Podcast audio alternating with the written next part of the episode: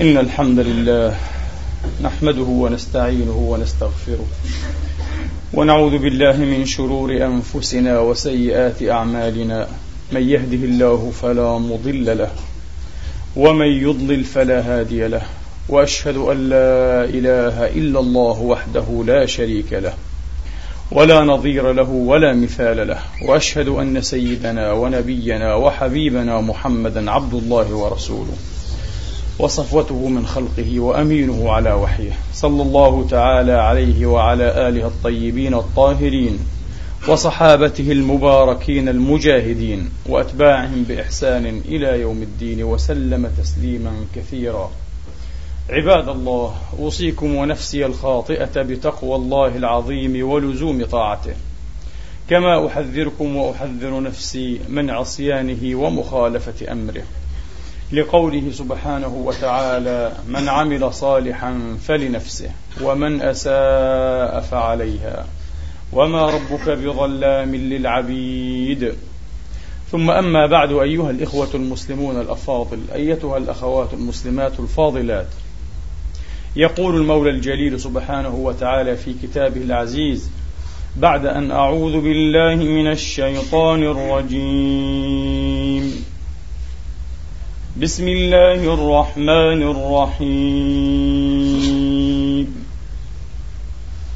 يا أيها الذين آمنوا اتقوا الله حق تقاته ولا تموتن إلا ولا تموتن إلا وأنتم مسلمون. واعتصموا بحبل الله جميعا ولا تفرقوا. واذكروا نعمة الله عليكم إذ كنتم أعداء فألف بين قلوبكم. فألف بين قلوبكم فأصبحتم بنعمته إخوانا وكنتم على شفا حفرة من النار فأنقذكم منها كذلك يبين الله لكم آياته لعلكم تهتدون. ولتكن منكم أمة يدعون إلى الخير ويأمرون بالمعروف وينهون عن المنكر وأولئك هم المفلحون. ولا تكونوا كالذين تفرقوا واختلفوا من بعد ما جاءهم من بعد ما جاءهم البينات. وأولئك لهم عذاب عظيم. يوم تبيض وجوه وتسود وجوه فأما الذين اسودت وجوههم أكفرتم بعد إيمانكم فذوقوا العذاب بما كنتم تكفرون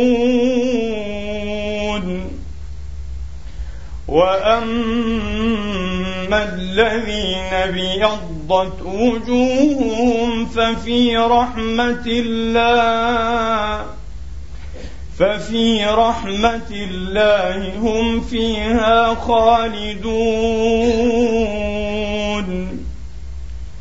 تلك آيات الله نتلو نتلوها عليك بالحق وما الله يريد ظلما للعالمين.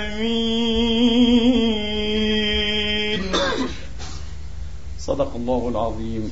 وبلغ رسوله الكريم. ونحن على ذلك من الشاهدين. اللهم اجعلنا من شهداء الحق القائمين بالقسط.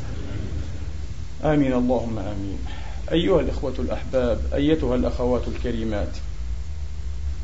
في ضوء هذه الآيات الجليلات من سورة آل عمران سنحاول الإجابة عن سؤال لفرط إلحاحه وكثرة ما أجيب عنه ولديمومته أيضا غدا تساؤلا وليس مجرد سؤال غدا تساؤلا ساكنا دائما. ما هو السبب الكامن أو ما هي الأسباب الكامنة وراء حالة الانحطاط والانهيار المتواصلة التي تشهدها الأمة في مجموعها. وبلا شك أننا أيها الإخوة في حالة انهيار وفي حالة انحطاط. هذا السؤال أيها الإخوة جوابه أيضا ينبغي حين نصطنعه نصطنعه أن نكون محاذرين جدا. لأن الجواب ناظر إلى وباحث عن أفق للأمل عن مخرج عن حل عن طوق إنقاذ كما يقال. وسيكون نصيب هذا المخرج وهذا الأفق وهذا التصور الجديد من الصوابية والصحة أيها الإخوة بمقدار ما يقدر لهذا الجواب ذاته من الصوابية في التحليل والإدراك والتوصيف والوعي. فالمسألة مهمة جدا. وقبل أن نشرع في محاولة الجواب إنها مجرد محاولة ليست أكثر. قبل أن نشرع في محاولة الجواب عن هذا السؤال الكبير والذي يمسنا جميعا بل يمس الأمة كلها في جميع أقطارها بجميع شعوبها. أريد أيها الإخوة أن ألفت النظر إلى تفرقة مهمة بين جلد الذات وبين نقد الذات. لأن جوابا عن سؤال كهذا لا يمكن أيها الإخوة إلا أن يعرض بالذكر لمسألة الذات. ويكثر أن تجلد هذه الذات وتؤنب ويشدد عليه العتب والملامة أحيانا بحق وأحيانا بغير حق. فلا بد أن نفرق هنا أيها الإخوة حتى لا نرمي غيرنا وحتى لا نرمى بأننا ربما نكون من الذين يجلدون ذواتهم. ما الفرق بين جلد الذات وبين نقد الذات؟ لأن هناك قطاعات أيها الإخوة يرفضون النقد العلمي يتجهمون له يتنكرون له بحجة أنه يصب في دائرة جلد الذات. ولذلك فكل شيء سليم وكل شيء صحيح وكل شيء مرضي. والذي نريده فقط بعض الرتوشات وبعض الإصلاحات وبعض الإصلاحات. تجديدات بسيطة ديكورية هيكلية تجميلية. نقد الذات أيها الإخوة متوازن معتدل وجلد الذات غير متوازن وغير معتدل وذو منحى اشتطاطي. يمارس أيها الإخوة وهدفه قائم في ذاته. هذا هو الفرق الأكبر والرئيس. هدف جلد الذات قائم في ذاته. أن تجلد الذات لماذا؟ ما الذي يتغياه جالد ذاته. جلدها فقط أن تجلد لأجل الجلد. وبهذا يغدو جلد الذات منحا ساديا. السادية هي الالتذاذ بتعذيب الآخر. بل هنا أيها الإخوة ومنحا مازوخيا أو ماسوشيا أيضا. لأن الذات والموضوع شيء واحد. الذات والموضوع شيء واحد. فاجتمع الشذوذ الفكري والشذوذ الإدراكي من طرفي لهذا المنحى وفي هذا المنحى. كيف نثبت أن جلد الذات أيها الإخوة ذو منحى سادي ماسوشي؟ ليس أكثر من ذلك لأنه لا يبحث عن ولا ينظر إلى أفق للحل ولا مخرج بالعكس هو أيها الإخوة دائما معاند مشاكس ممانع لمحاولات الحل لمحاولات فتح الآفاق. زاعم أن الآفاق مسدودة أن الآفاق مسدودة. وإمكانية فتح أفق جديد غير موجودة أصلا. ولذلك لن نجد أبرع من هذا المسلك. مسلك جالدي ذواتهم أو جالدي ذاتهم. لن نجد أبرع منهم في التيئيس من كل مخرج وفي تسخيف كل محاولة للحل والإنقاذ. إذا جئته بأي فكرة مباشرة يسارع إلى تسخيفها. إذا جئته بأي إمكانية يسارع إلى التيئيس من احتمال تحقيقها أو تحققها. هكذا. ولذلك هذا المسلك وهذا المنحى في نهاية المطاف في نهاية الأمر أيها الإخوة عدمي تخريبي تدميري. يضر ولا ينفع. لا نقول يضر أكثر مما ينفع يضر أصلا. ولذلك هو في النهاية يصب في مصلحة من؟ في مصلحة الآخر العدو. الآخر العدو وليس الآخر بالمطلق. في مصلحة الآخر العدو. اليوم تجسيدا وتعيينا يعني في مصلحة مثلا الليكود في مصلحة الدولة الصهيونية في مصلحة المحافظين الجدد بوش وجماعته. مباشرة مثل هذا المسلك أما نقد الذات أيها الإخوة فيتغيى ويتقصد إصلاح الذات وصلاحها وهو حريص جد حريص عليها لأن الذات هي الموضوع. حين أساهم في تدمير ذاتي ما الذي يبقى لي؟ العدم الفناء اللا شيء. ولذلك الذين ينطلقون بدافع الحرص بوازع المحبة أيها الإخوة. وحياطة هذه الذات هوية هذه الذات مكتسبات هذه الذات. تاريخ تراث وجود مصير مستقبل مستندات مشخصات. هذه الذات دائما يريدون المصلحة يريدون المصلحة منفعة هذه الذات. ولذلك ينظرون نظرا متوازنا. معتدلا غير اشتطاطي. من غير إفراط ومن غير تفريط. لا يؤمثلون هذه الذات. ليست ذاتا كاملة. ليست ذاتا بلا عيوب. عيوبنا كثيرة وكثيرة جدا. ولقد طالما تحدثنا فيها وحولها وعنها. لا نؤمثل هذه الذات. كما لا نؤبلس ولا نشيطن هذه الذات. أن هناك فريق أيها الإخوة الآن من هذه الأمة. للأسف وبعضهم في أعلى درجات سلم السلطة. وبعضهم من فريق المثقفين أو من يدعون بطبقة المثقفين. يريدون أن يفهمونا أن الخروج من الأزمة وسيأتي تعريف الأزمة بعيد قليل. الخروج من الأزمة ومن المأزق الذي تطاول أمده وزمنه لا يكون إلا بنسف كل هذه الأسس كل بنانا الاقتصادية والاجتماعية والفكرية كل مرجعياتنا الماضوية بتعبيراتهم التراثية بمعنى آخر ينبغي أن نتخلى عنا أن نتخلى عن أنفسنا. لنكون ماذا؟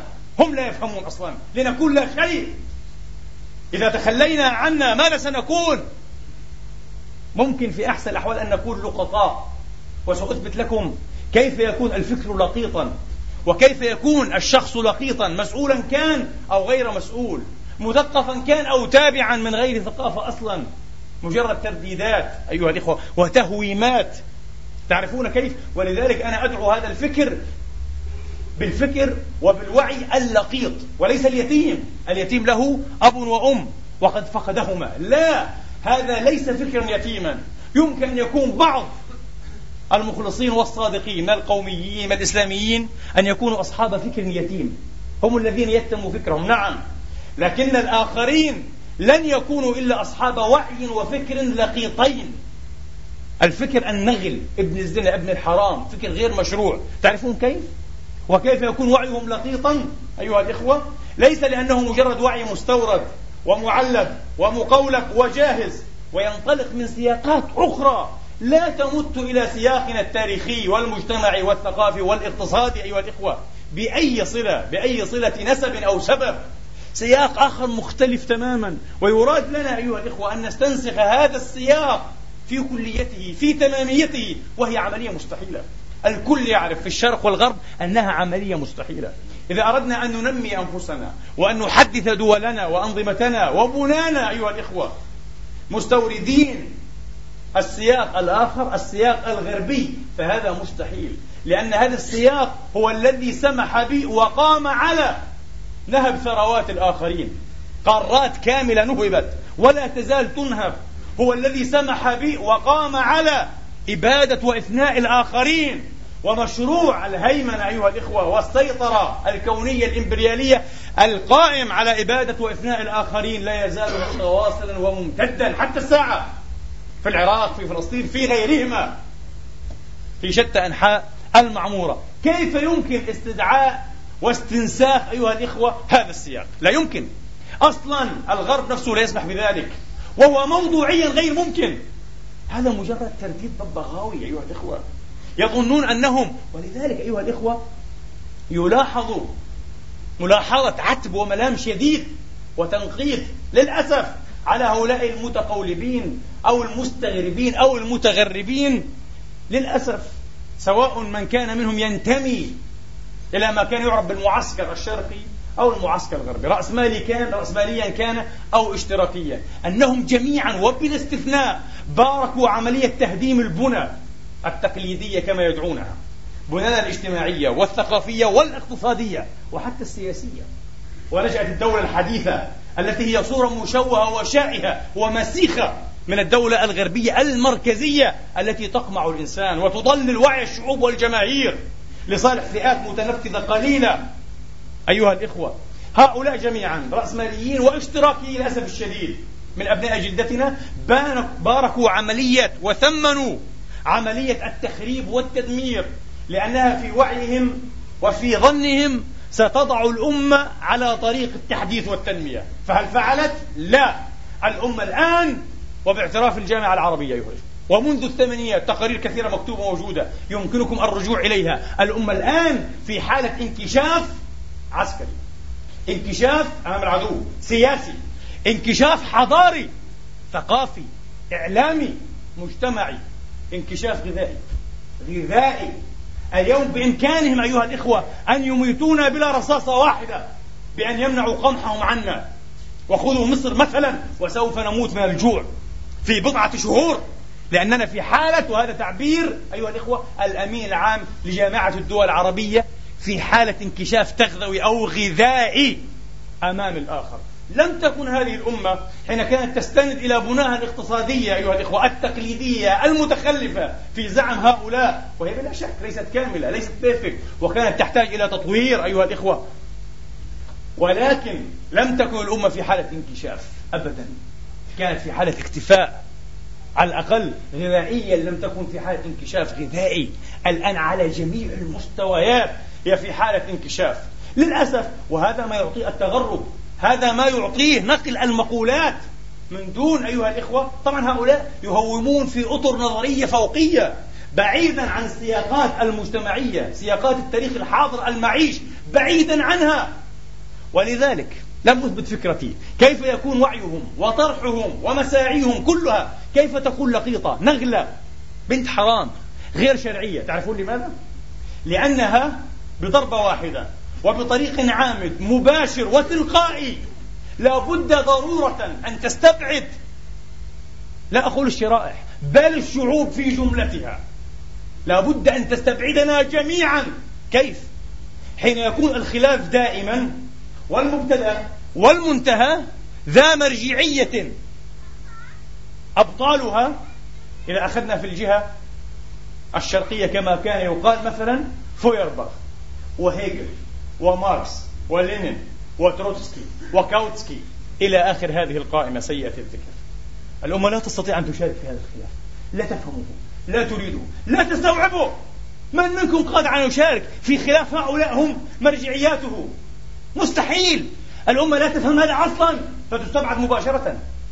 تبقى الأكثرية من الأمة في جانب وهؤلاء المتحذقون في جانب. رسميين كانوا أو غير رسميين.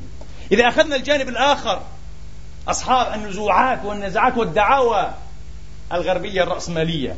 كيف تستطيع الأمة أن تشارك أيها الإخوة في خلاف مبتدأه ومنتهى ومرجعياته؟ غربية أبطالها. آدم سميث.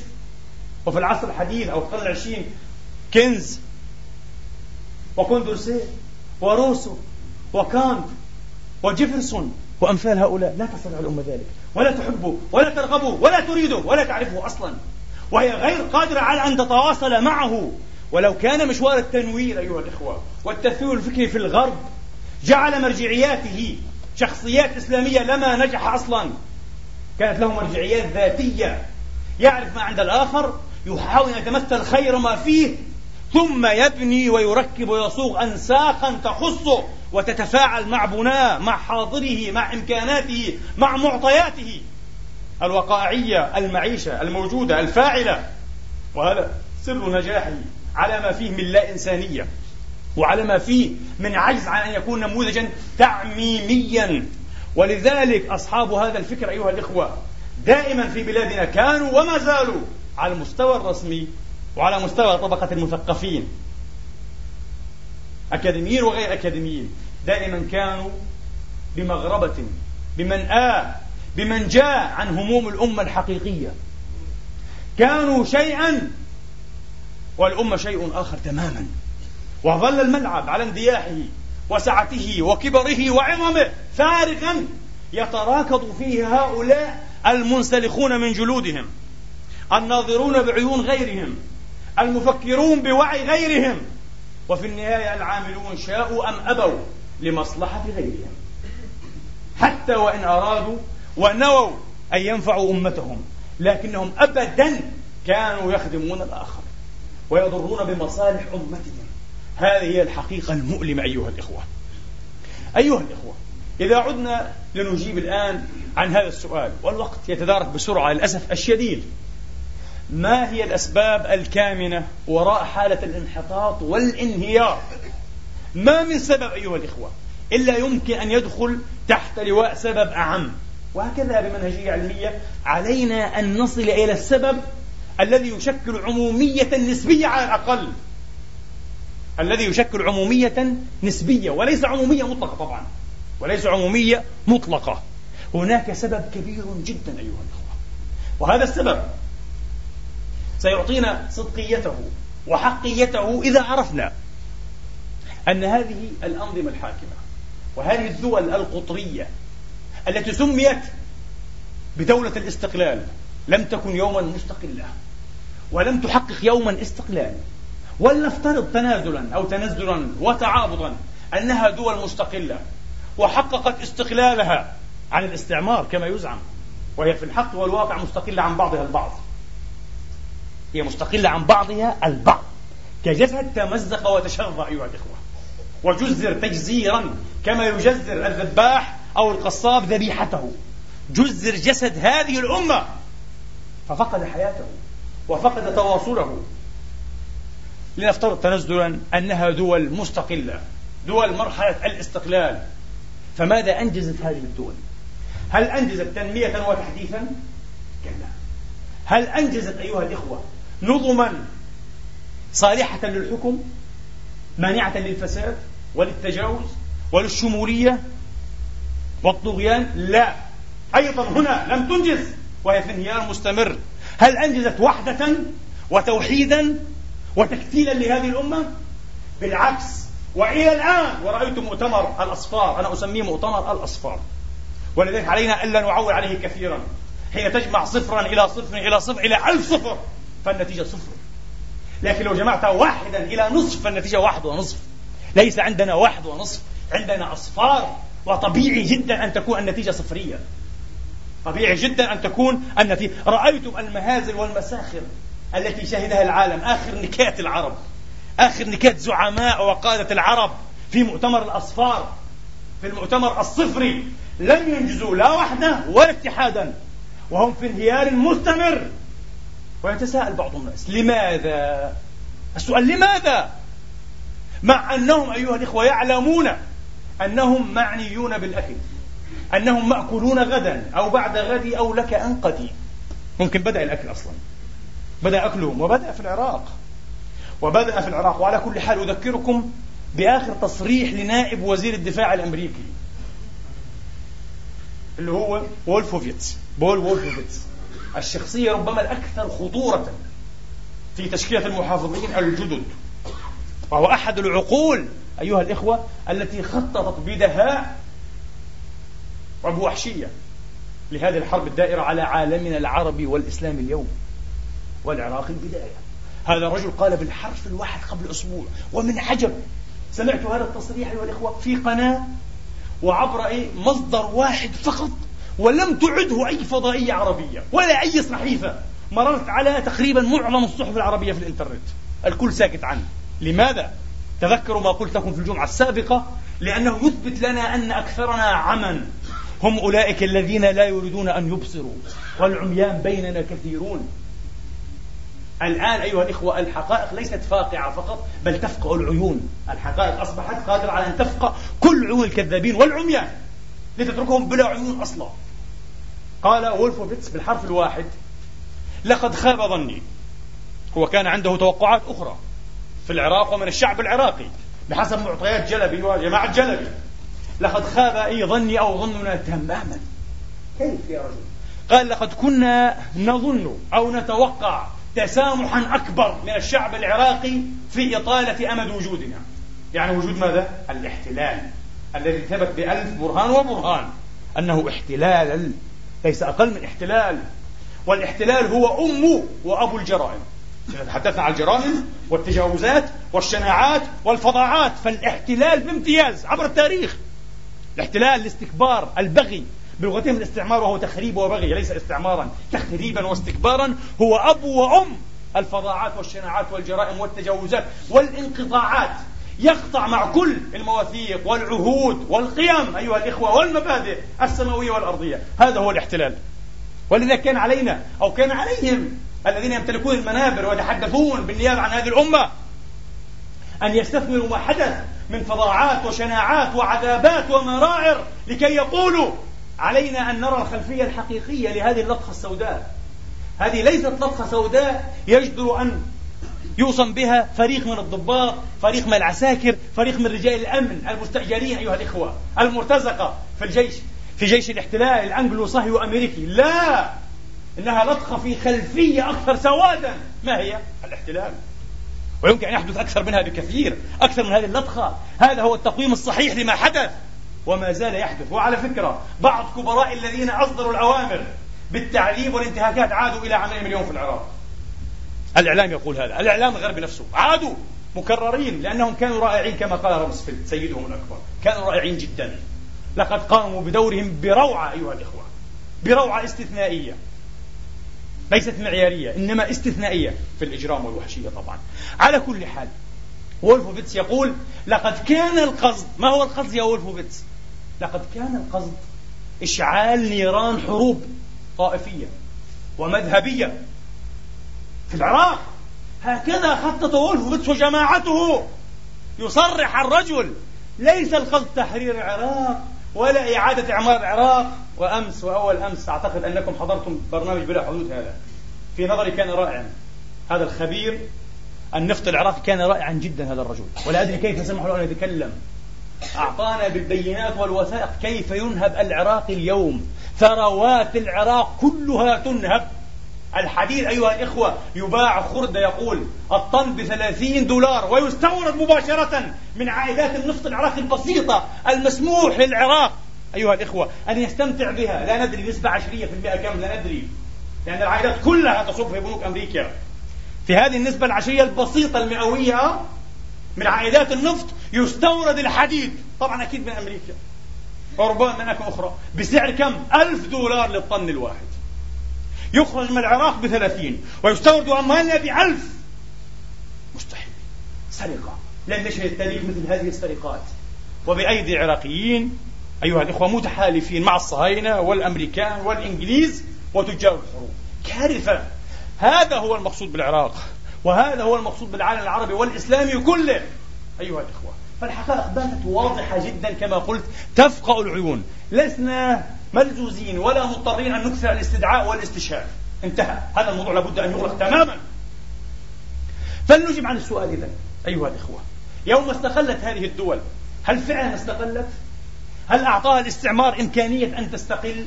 شيء غريب. هناك مفارقة ديليما. تناقض أيها الإخوة محير جدا. كل محاولات العلاج صادقة كانت أو ديكورية كاذبة تمثيلية مسرحية؟ دائما كانت ولا زالت. تدور في فراغ وسترون بعد قليل.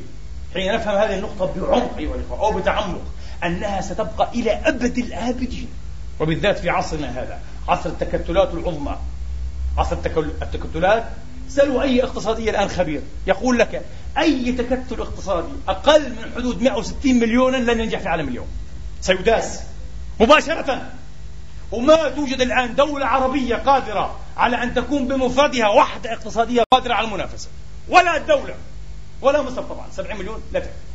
أقل شيء 160 مليون أيها الأخوة. لكي يمكن أن تواجه أن تنافس قليلا أن يكون لها حضوان أن يكون لها وجود. فدول التجزئة لا تسمح بذلك. واقع التجزئة والتجزئة والتقسيم لا يسمح بذلك. الذي حصل وهذا هو الشيء الغريب بل الغرائب أيها الأخوة. قلت لكم هناك دليمة هناك مفارقة. الآن سنفهم هذه المفارقة ما هي. الاستعمار حين جاء إلى هذه البلاد أيها الأخوة وجدها موحدة أو ورثها بالأحرى موحدة وكان قد غزا بعضها أو أكثرها واستعمرها أيضا وهي تحت ظل سلطان الخلافة العثمانية الرجل المريض للأسف الذي كان مريضا وعلى وشك أن ينفق على وشك أن يهلك. وجاء أتاتورك لعنة الله عليه في قبره. الذي رفضته الأرض على الأقل ثلاث مرات.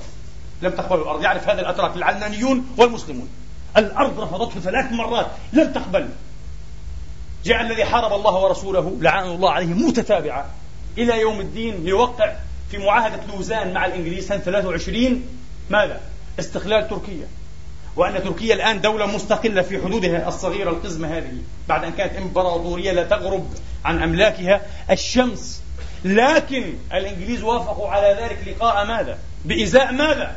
عدم المطالبة بتة بالوحدة الإسلامية بشيء يذكر بالماضي الرهيب الذي أقض مضاجع هؤلاء المستعمرين الذي اسمه الخلافة ممنوع تومبي يقول وهو حاقد جدا على الخلافة العثمانية كما قرأت له يقطر كلامه سما ومرارا وحقدا لكنه يقول لكن علينا أن نعترف مرغمين بأن هذه الخلافة سمحت بتوحيد العالم العربي والإسلامي لمدة ستة قرون. شئنا أم أبينا. تحدثنا عن مثالبها عن عيوبها ولها مثالب وعيوب كثيرة جدا لكنها سمحت بهذا بهذا الإنجاز الكبير أن يتوحد عالمنا على الأقل ستة قرون أيها الإخوة. ومن هنا كانت معاهدة لوزان لا عودة مطلقا وبتة لموضوع خلافة وتوحيد هذا العالم. أيها الإخوة دخل الإنجليز كمستعمرين وكداعمين لشركة الهند الشرقية وهي شركة استعمارية. من يوم أنشئت. دخل الإنجليز الديار الهندية وكانت ممزقة فعملوا على توحيدها. لماذا؟ مقتضيات الاقتصاد الإنجليزي. تقتضي أن تتوحد هذه القارة شبه القارة الهندية. عملوا على توحيدها. ودخلوا إلى عالم عربي. ولنحصر كلامنا حتى نستطيع أن نلم بأطراف هذا الجزء من الموضوع. وإلا فهمنا هو العالم الإسلامي كله وليس العالم العربي وحده. ودخلوا إلى هذا الجزء من العالم الإسلامي العالم العربي. أيها الإخوة دخلوا إليه موحدا فعملوا على تجزيره وتجزيته وتمزيقه. وكان نصيب العالم العربي هو النصيب الأوفر والحظ الأعظم من هذه التجزرة من عملية التجزير أيها الإخوة والتقطيع. لا لم يتقطع ولم يجزر عالمنا العربي أيها الإخوة بحسب حظوظ المستعمر أو المستعمرين الفرنسي والإنجليزي. كلا لو جزر وفق هذه الطريقة لانقسم الآن العالم العربي إلى ثلاث أقسام أو أربعة أقسام يعني في أسوأ الأحوال. لكن الذي حدث أن الدول التي كانت تحت الانتداب الاستعمار الاحتلال الفرنسي قسمت أقسام كثيرة. فصل لبنان عن سوريا وقد كان جزءا واحدا مع الأردن وفلسطين سوريا الكبرى. لكن فلسطين والأردن تحت الانتداب الإنجليزي. الفرنسيين قسموا سوريا ولبنان إلى قسمين. وقسموا المغرب أيها الإخوة وكانت خطتهم قاضية بتقسيم سوريا إلى أربعة دويلات. لظروف معينة لم ترى هذه الخطة بحمد الله النور على الأقل. الآن تعود من جديد انتبهوا. والبداية في العراق. نفس العقلية الاستعمارية نفس الاستخطاطية الاستراتيجية يعني. نفس الاستخطاطية. تعود من جديد. وكانت الخطة تخطي بتقسيم المغرب الكبير. ما يعرف الآن بالمملكة المغربية. إلى خمس دويلات. خمس دويلات. ولكن هذا لم يحصل. وقسم المغرب كله إلى هذه الدول الثلاث أيها الإخوة. الخليج. كان الأنموذج الذي ينبغي تعميمه. ترون كيف الخليج؟ بضع مئات الآلاف وأحيانا أقل من بضع دول وممالك دول كبيرة. هذا النموذج أكثر نجاحا. وكان يراد المملكة السعودية كما تسمى الآن أن تقسم أيضا. فصلت مصر عن السودان طبعا. ويراد لمصر أن تقبع فيها ثلاث دويلات على الأقل. وهكذا قسم هذا العالم أيها وجزء. طيب. والحدود التي كانت ترسم ورسمت على الرمال قصة لورانس العرب آه الجاسوس اللوطي الذي ضحك على شوارب ولحى العرب. لوطي سدومي. اعترف في مذكراته بأنه كان شاذا جنسيا. يركبه الرجال. ضحك على شوارب العرب. على شاربي القهوة من أغبياء العرب. أيها الإخوة والقيادات تاريخية. تاريخية بمعنى غريب جدا بمعنى جديد في تاريخ هذه الأمة العظيمة. أيها الإخوة لا تستحق هذه الشعوب كل هذا العار. فعلا لا تستحق كل هذا العار أيها الإخوة. ولذلك لابد أن يكون لها دور بإذن الله تعالى. على كل حال على الأمر قسم كل شيء. وفرضت هذه القسمة بحراب الاستعمار وبنادقه بمجنزرات دباباته. بجنازير عفوا دباباته. فرضت. وجاء الاستقلال بعد. الحرب العالمية الثانية سقطت دول الوصاية والانتداب الواحدة تلو الأخرى. وجاء ما عرف بعهد الاستقلال ودولة الاستقلال. فلماذا كرست هذه الحدود؟ هذا هو الغريب. لقد رفضت كل الشعوب العربية هذه الحدود. وناضلت ضد استدامتها ودوامها لأن الاستعمار هو الذي أرادها وهي استخطاطية أي استراتيجية هي استخطاطية الاستعمار فكرة الاستعمار مآربه تدابيره وقد زال الاستعمار كما يزعم. لكن الاستعمار لم يسمح لنفسه بأن يزول وأن يحول إلا بعد أن نصب وكلاءه أيها الإخوة. وكلاءه المخلصين. المخلصين تماما. وهؤلاء جاءوا أيضا بالحراب والمدفعية والجيش وقوى الأمن ليعززوا ويؤكدوا ويكرسوا ما بدأه الاستعمار وبدأت حملة فكرية أيها الإخوة تفريغية لوعي الأمة وإدراكها تتحدث عن سيادة الدولة وحدود الدولة ها؟ وتخطيط حدود الدولة وسلامة أراضي الدولة ودستور الدولة وقوانين الدولة ونظم الدولة والحقوق في الجنسية لمواطني هذه الدولة لا لغيرهم إلا بشروط معقدة جدا خاصة إذا كانوا معارضين. ما هذا؟ وصارت هذه الخطيئة الاستعمارية أيها الإخوة ينبغي أن تبارك وأن تثمن. ينبغي أن تبارك وأن تثمن وأن ينظر إليها على أنها مهمة تاريخية. إنشاء الدولة المستقلة التي ثبت أنها لم تكن مستقلة عن الاستعمار بل مستقلة عن ماذا؟ عن أخواتها عن شعوبها عن جيرانها عن لحمتها عن عصبيتها عن عمقها التاريخي أيها الإخوة والحضاري والجغرافي عمق حضاري تاريخي جغرافي جيوسياسي جيو استراتيجي كيف؟ ألم يقرأوا التاريخ؟ ألم يقرأوا تاريخ الأمس تاريخ المستعمر؟ لقد كان الفاتيكان أيها الإخوة والأخوات في خرائطه قبل القرن السادس عشر يرسم القارات الثلاث أوروبا وآسيا وإفريقيا في شكل حلقات بيضية أو بيضاوية ثلاثة هكذا. يمسك بأعناق الحلقات الثلاث نقطة في المنتصف دائرة صغيرة. ما هي؟ فلسطين القدس. لأنهم يفهمون وعيهم التاريخي أعظم منا أو أعظم من وعي زعمائنا وقادتنا التاريخيين. وعي هؤلاء حتى قبل القرن السادس عشر. كان مؤسسا أيها الإخوة على أن هذه المنطقة العربية بالذات من بين كل مناطق العالم هي العقدة الاستراتيجية الأكثر مركزية وأهمية وحراجة في العالم. ومن يملكها ويهيمن عليها بوسعه وبسهولة أن يهيمن على بقية أجزاء العالم. فهم هذا الإغريق والرومان وكل الخلافات الإسلامية أيها الإخوة. والإمبراطورية جاز التعبير العثمانية وفهمه نابليون وهو أول من أراد أن يطبق مشروع خلق وبلورة دولة إسرائيل دولة اليهود في هذه المنطقة. وفهمه الإنجليز أيها الإخوة. ويفهمه الآن إيه؟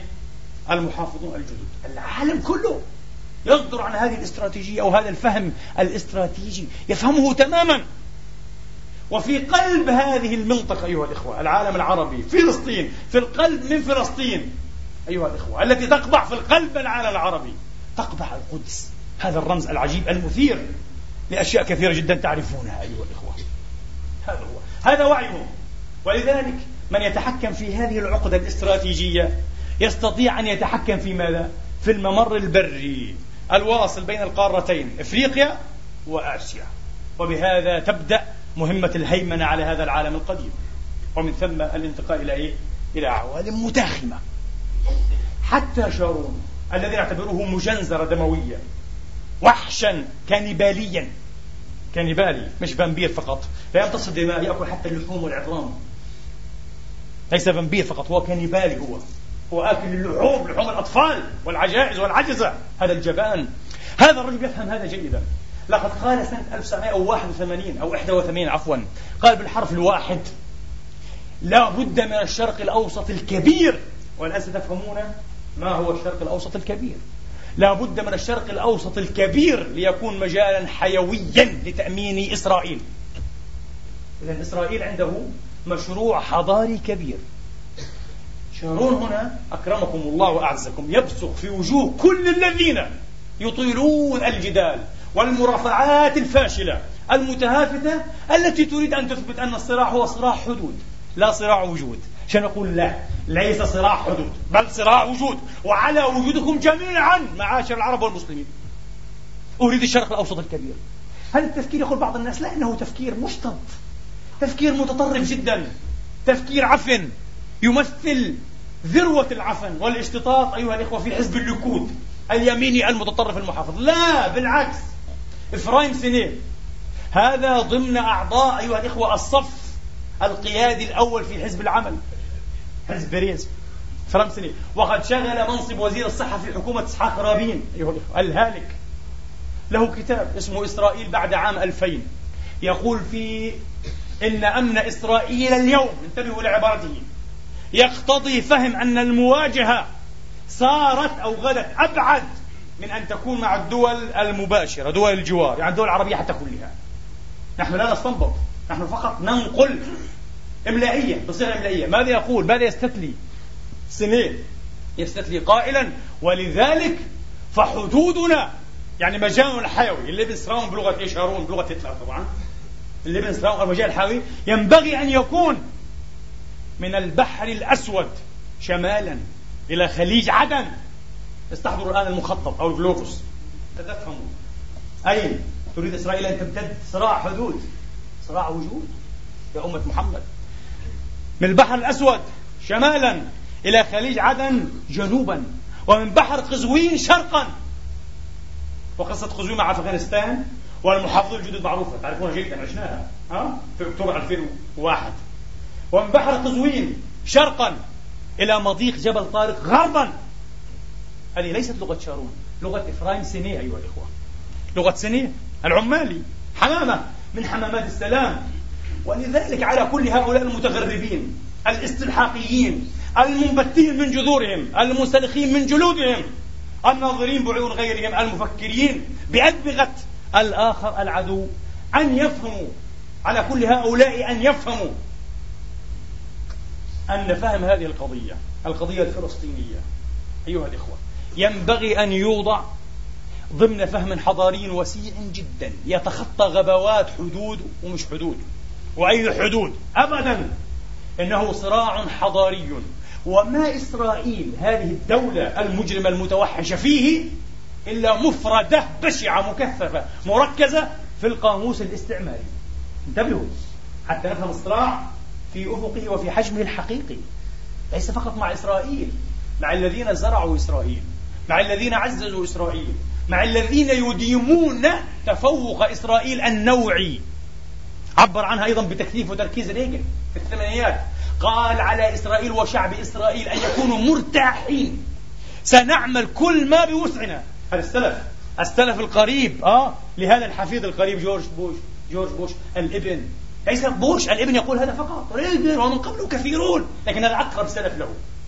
وأبوه وحتى كلينتون كلهم على نفس الدرب سائرون. قال على إسرائيل وشعب إسرائيل أن يكونوا مطمئنين أننا سنعمل كل ما بوسعنا لإدامة تفوق إسرائيل النوعي على مجموع العالم العربي. سأختم لأن الوقت أدركنا للأسف الشديد أيها الإخوة. هذا العالم العربي كيف له أن ينهض؟ كيف له أن يتحدى؟ أن يستجيب للتحدي أيها أن يجيب عن التحديات والإشكالات والأزمات والإستعصاءات وهي حالات استعصائية حقيقية. تعرفون لماذا؟ حتى النهضة غير ممكنة. حتى النهضة غير ممكنة. خمسة من دول هذا العالم العربي تمتلك أيها الإخوة ثلثي أراضيها الصالحة للزراعة. خمسة فقط. والبقية ليس عندهم أراض صالحة للزراعة. تعرفون 80% من عالمنا صحراء. أكثر من نصف الثروة البترولية أيها الإخوة تمتلكها بضع دول. 90% من سكان العالم العربي يقبعون أيها الإخوة آه ويقطنون في عشر دول. وثنتا عشرة دولة يقبع فيها أيضا إيه؟ عشرة في المئة فقط. ولذلك من يمتلك الموارد المالية ليس عنده موارد إيه؟ بشرية وليس عنده أحيانا موارد طبيعية. من يمتلك الموارد الطبيعية ليس عنده موارد بشرية وأحيانا ليس عنده موارد مالية. وطبعا يراد أيها الإخوة يراد لنا أن نتخصص في لعب أدوار تنموية قزمة جدا. تمنع التكامل وتمنع التعاون وتمنع حتى إيه؟ تعزيز التبادل حتى التجاري. الذي لا زال أيضا يتدهور سنة بعد سنة. قبل عقد كان التبادل التجاري زهاء 10% الآن هذه السنة 6% بل أقل من 6% يتدهور. كيف يمكن لنا أن ننمو؟ كيف يمكن لنا أن نتكامل مستحيل. ولذلك أنا وعدتكم بأتحدث عن الأزمة بجملة واحدة وعن الدليمة أو المعضلة المفارقة المفارقة أن هؤلاء يريدون أن يحققوا استقلالهم وتنميتهم وتحديث بلدانهم لكن ضمن ماذا؟ ضمن الصيغة الاستعمارية التي قامت أساسا لمنع كل تحقيق هذه الأهداف أو لمنع تحقيق إيه؟ أي من هذه الأهداف ما هي الصيغة؟ صيغة التجزئة والتجزرة ولذلك هنا الأزمة. هنا الاستعصاء. ندور في حلقة مفرغة وسنظل ندور في هذه الحلقة. الأزمة في تعريف العلماء المختصين أيها الإخوة. الأزمة هي أن يكون الهدف واضحا ومحددا والطرق إليه مسدودة. لأننا ندور في حلقات مفرغة. فنحن في حال أزمة حقيقية على الأقل. هذا هو السبب الأكبر والأهم والأكثر عمومية نسبيا. الحديث له بقية طويلة. لعلنا نكمل إن شاء الله في خطب قادمة أو آتية. أسأل الله تبارك وتعالى أن يوحد هذه الأمة وأن يلهمها رشدها وأن يبدلها حكاما خيرا من حكامها وأن يفتح عليها بالنصر والظفر المبين. قل عسى أن يكون قريبا. أقول قولي هذا وأستغفر الله لي ولكم.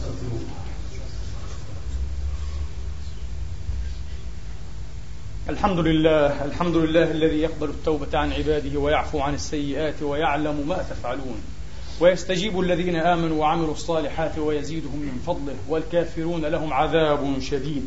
وأشهد أن لا إله إلا الله وحده لا شريك له وأشهد أن سيدنا وحبيبنا وقائدنا محمدا عبد الله ورسوله. اللهم صل وسلم وبارك عليه وعلى آله الطيبين وصحابته المجاهدين.